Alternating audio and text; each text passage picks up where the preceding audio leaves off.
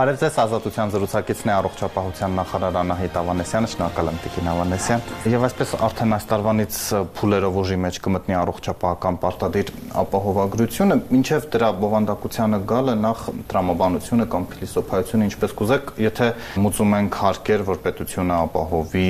կրթություն, առողջապահություն, ճանապարհներ եւ այլն, ինչու պիտի դրա համար լրացուցիչ փող տանք ամենակարևոր սկզբունքային կետը ապահովագրական համակարգերի դրանք կանխավճարային ֆինանսավորումն է։ Երբ որ մարդը, երբ որ առողջ է, աշխատունակ է, վճարում է ամսական փոքր գումարներ, կൂട്ടակում է դրամագլուխ եւ երբ որ ունենում է առողջապահական կարիք, դա արդեն ֆինանսական բեր չի լինում իր վրա։ Սա ամենակարևոր սկզբունքն է եւ պիտի ասեմ, որ այսօր էլ մենք վճարում ենք մեր առողջապահական ծախսերը եւ վճարում ենք շատ ավելի հախուռն, վճարում ենք ավելի շատ, որովհետև քանի որ կանխարգելման ճիշտ հետազոտություններ անցնելու շրջանները հաճախ բաց ենք թողնում, ապա հանգում ենք այն ամենաթանկարժեք շրջաններին՝ վիրահատական, բարդ տեղորայքային բուժման եւ դրանք շատ ավելի մեծ ֆինանսական բեռ են դառնում։ Ինչ վերաբերվում է հարկերին եւ նաեւ պետության պարտավորությանը եւ սոցիալական երաշխիքներին, այն նախագիծը, որը ներկայացված է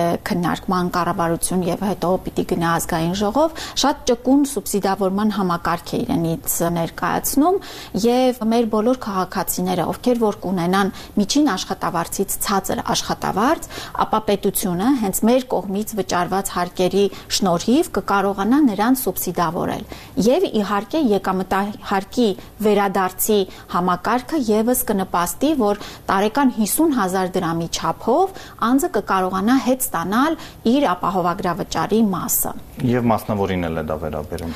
բոլորին է դա վերաբերվում։ Ով որ միջինից ցածր աշխատող։ Այո, այո, անկախ նրանից, մասնավոր թե պետական համակարգում է աշխատում անձը, բացի դրանից կարծում եմ ամենակարևոր սոցիալական երաշխիքը, որ պետությունը իր վրա հանձն է առել, դա կենսաթոշակառուների ապահովագրությունն է։ Գիտեք, ինչքան էլ մենք բարձրացնում ենք ամեն տարի կենսաթոշակը եւ բարեբախտաբար նախորդ տարի արդեն իսկ մենք ունենք անհրաժեշտ այսպես կենսա ապահովման համար զամբյուղի ծախսերը, բայց առողջապահական ծախսերը շատ մեծ են մեր այս քաղաք քաղաքացիների համար։ Ոստի շատ ավելի ճիշտ է, որ պետությունը ապահովագրի եւ նրանց դեղորայքի բուժման ծախսերը թեթևացնի ընտանիքների վրայից եւ նրանք կարողանան այլ բաների վրա ուղղել իրենց ծախսերը։ Իսկ մյուսների սոցիալական բեռը այնուամենայնիվ պետությունը մասնակի է սուբսիդավորելու ոչ ամբողջությամբ, բայց մարդիկ մեքենայի տան հարկ են մուծում զինվորների հիմնադրամին, եկամտահար եւ սա իսկապես կարող է լուրջ բեռ առաջացնել։ Ինչպես նշեցի, իհարկե մենք պիտի հասկանանք, որ մեր առողջության պահպանումը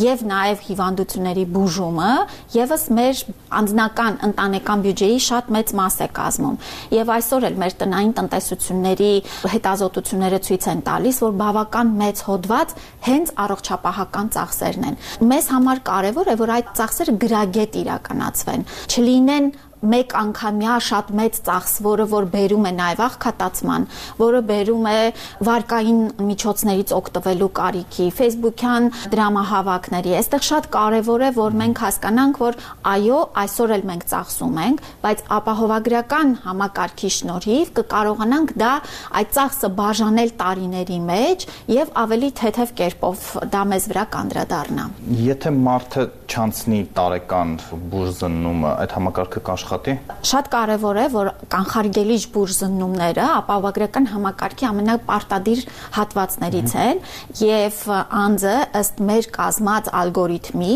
սերատարիքային առանձնահատկություններից ելնելով պետք է տարեկան անցնի իրեն հատուկ բոլոր սկրինինգներն ու հետազոտությունները։ Սա բերում է նաեւ մշակույթի փոփոխություն։ Գիտեք, այսօր էլ ես վստահ եմ, եթե անձը վստահ լինի, որ որևէ խնդիր հայտնաբերելուց հետո ինչպես պետք է հոգ տանի այդ խնդիրների համար, նա կգնա ստուգման, բայց քանի որ այդ մյուս հատվածը բավական թանկարժեք է, մարդիկ նաև խուսափում են գնալ տարեկան հետազոտությունների։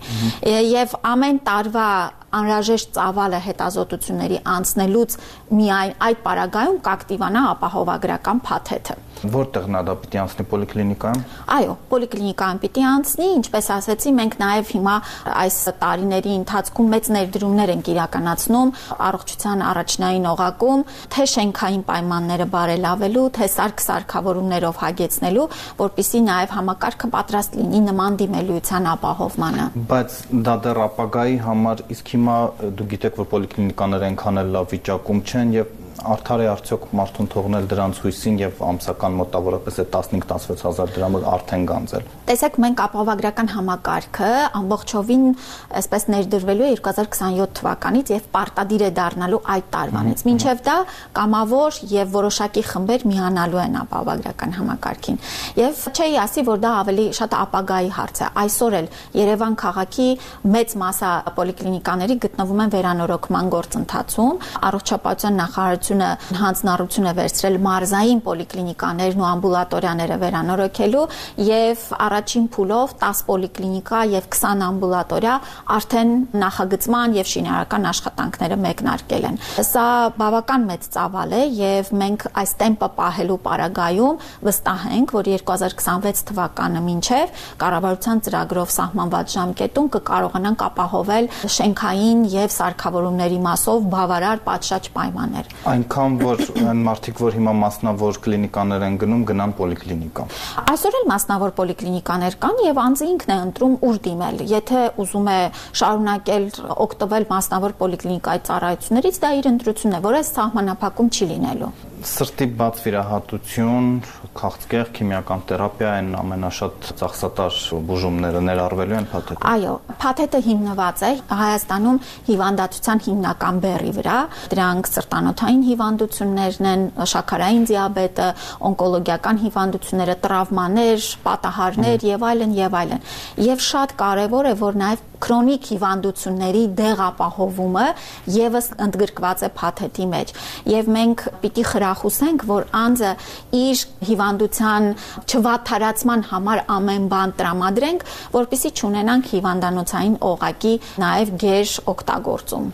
Տիկին Ավանեսյան, հերթերի հարցը դուք դիտարկել եք գիտեք Միացյալ Նահանգներում մի քանի ամիս են մարդիկ սպասում էլի է պարտադիր ապահովագրական համակարգ է գործում։ Այո, հերթերի ընդհանրապես խնդիրը մանավանդ կ ូវ իդից հետո շատ ակտուալ է թե Եվրոպայում, թե Ամերիկայում եւ մարդիկ երբեմն մինչեւ 6 ամիս հերթագրվում են, որ կարողանան անցնել իրենց բուժզննությունը կամ որոշակի ծառայություններից օգտվել։ Այո, մենք դա դիտարկում ենք եւ ակտուարական հաշվարկները նաեւ մեր հիմնված են նրա վրա, որ մենք ունենալու ենք դիմելույթյան աճ։ Մենք ունենք չբավարարված կարիք, այսօր մարդիկ ունեն որոշակի պահանջներ, բայց քանի որ դա անհասանելի է, չեն դիմում բժիշկի եւ երբ որ ապահովագրական համակարգը ներդրվի, դա մեծացնելու է դիմելույությունը եւ այդ բոլոր ռիսկային ֆակտորները հաշվարկված են մեր ակտուարական հաշվարկներում եւ միանշանակ մենք դիտարկում ենք, որ կունենանք աճ դիմելույության։ Հերթագրումները այո, խնդրահարույց են, բայց դա էլ պետք է մենք նորմալ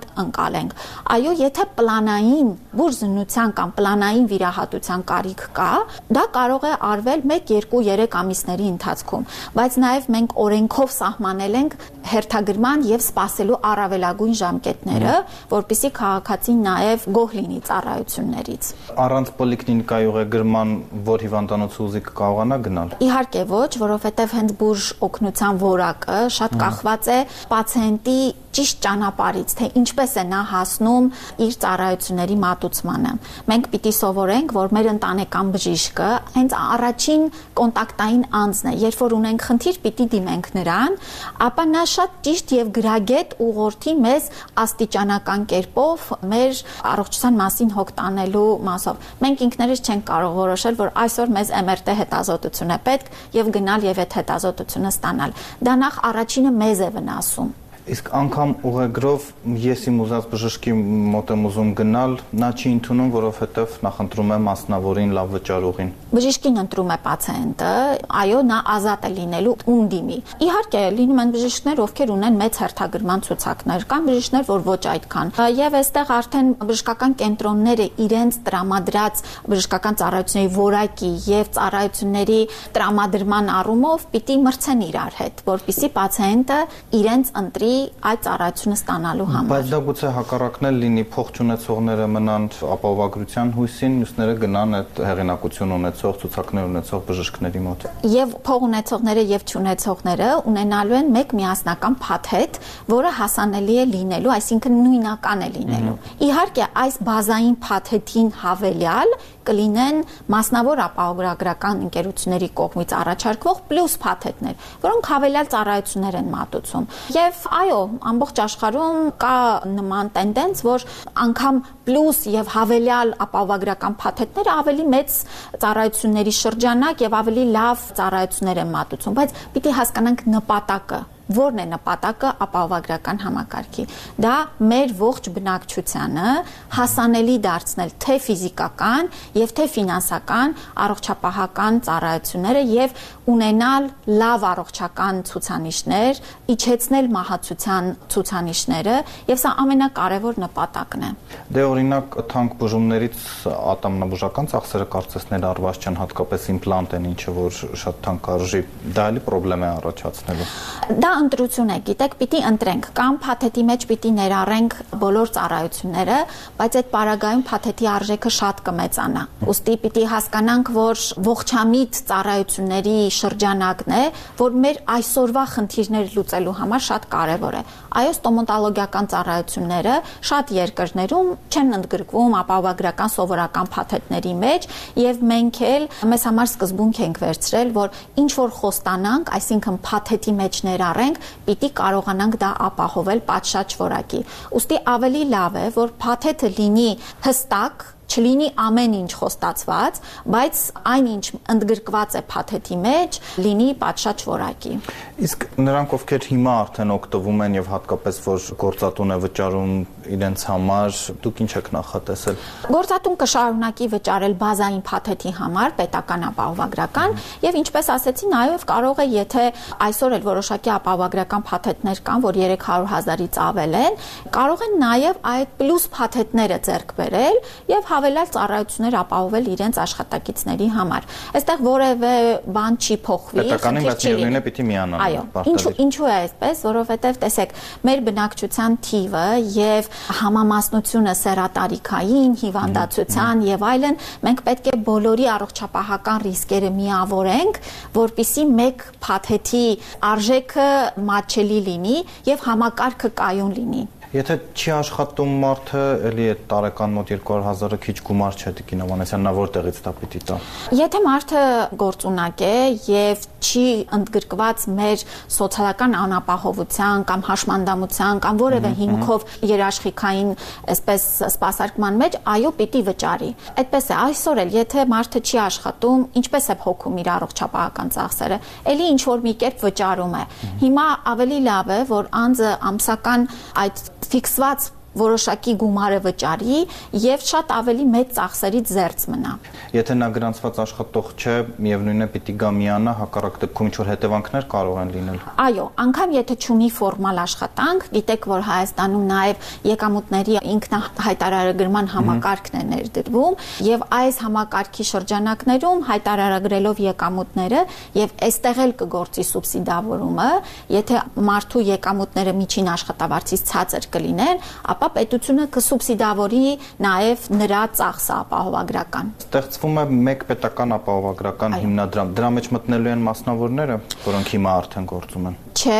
մեկ պետական ապահովագրական լինելու է հիմնադրամ եւ ինչպես նշեցի, մասնավոր ապահովագրական ընկերությունները շարունակելու են հավելյալ փաթեթներ առաջարկել։ Լրացուցիչ, այո։ Իսկ մասնավոր կլինիկաները ներառվելու են փաթեթ։ Այո, իհարկե։ Բժիշկներն ասում են, որ մենք ներդրում ենք անում, դրսում սովորում ենք եւ օրինակ հիմա ասենք 4-5 ժամանոց բարդ վիրահատություն ենք անում, դա